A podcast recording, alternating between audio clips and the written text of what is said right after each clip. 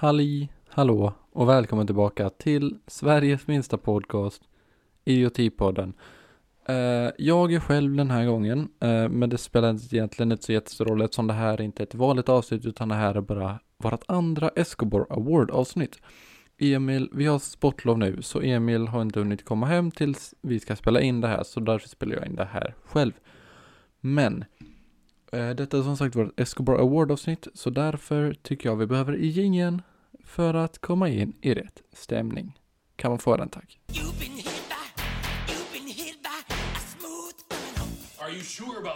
Det var inte lika många som hade röstat som vi hade hoppats. eh, för, vilket vi tyckte var lite tråkigt, för vi hade ändå ganska, det var ändå ganska starkt startfält, eller vad man vill kalla det för. Men den som vann var rubriken En rånare som flydde in på ett fängelse. Och den här där känner man ju att det, det är något som har gått fel. Om en rånare lyckas rymma in på ett fängelse.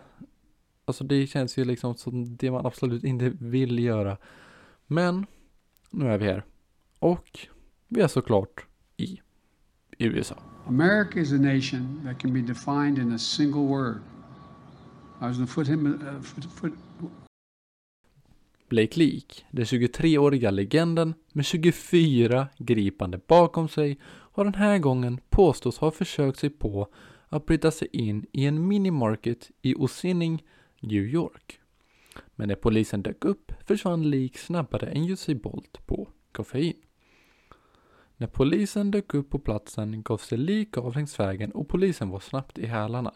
Även om varje polis verkade göra en personlig resa under jakten. Med bara några få ögonblick kvar att komma undan fick Blake syn på en gigantisk byggnad med massiva omgivningar. Han trädde in på området för att hitta ett gömställe bara för att upptäcka att byggnaden var Sing Sing maxsäkerhet fängelset. En vakt märkte genast lik, grep tag i honom och höll kvar honom för polisen som antagligen undrade om det skulle skratta eller gråta åt hans onaturliga val av gömställe. Eh, alltså rent spontant så känner man liksom round of applause, bra jobbat. Om man är 23, har hållit på och rånat 24 gånger, då borde man väl ändå ha lärt sig någonting någon gång. Att det kanske inte är det bästa att liksom, men som sagt, han är amerikan. Dum amerikan i 23-årsåldern.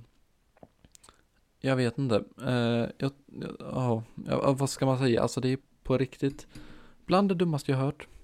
Men det här är idioti på den. Jag borde inte vara förvånad. Och det är USA. Så att eh, jag borde inte låta mig förvånas av sånt där längre. Men jag tänker inte lämna er där. Då har ju även hänt en del grejer den här veckan också. Och jag tänker ta upp dem efter vår fina fina veckans idioti-jingel. What the hell? Oh my God! No way.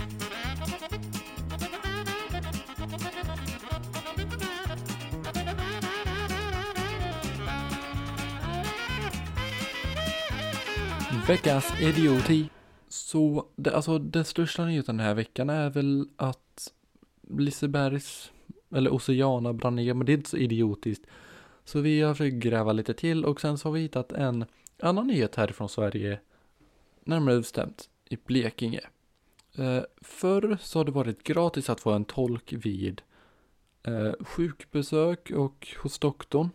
Men i Blekinge tycker man nej, nu ska folk som behöver en tolk ska behöva betala för en tolk istället. Eh, varför det undrar ni? Jo, för att de är lite speciella. Det är lite mycket högerextrem, lite SD där nere. Och de tycker att om man bott i Sverige ett visst antal år så kan man lära sig svenska. Fine, men det är inte alltid så lätt med de här medicinska termerna. Alltså, du behöver få utskrift hypigybagubs, eh, alltså det är ju liksom, hur ska man, alltså många av de här termerna som man använder inom sjukvården är ju, det är inga lätta ord som används. Och det kanske inte är lätt att lära sig det om man har svenska som kanske tredje, fjärde, femte språk. Och kunna det utan till. Och sen om man ligger inne på sjukhus och behöver tolk i kanske några dagar så blir det ganska dyrt ganska snabbt.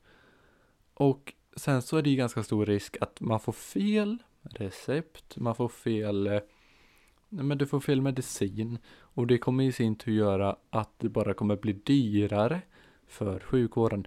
Så jag fattar inte riktigt den här logiken. Den är jätteologisk. Men det här, det finns inget i det här landet som är logiskt. Så varför är jag ens förvånad?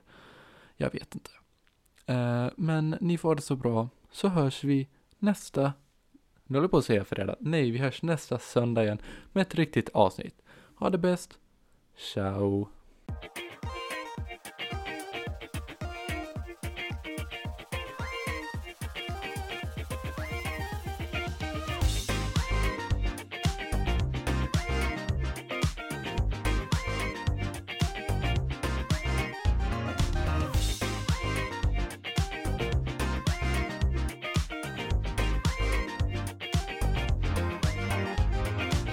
Närmare bestämt i Blekinge. Och eh, här har man, här tycker man då att närmare bestämt närmare bestämt i Blekinge. Och förr, eller in, i de flesta andra länder, fan. Och in, närmare bestämt, närmare bestämt i Blekinge. Och på alla andra ställen innan så har det varit Fan.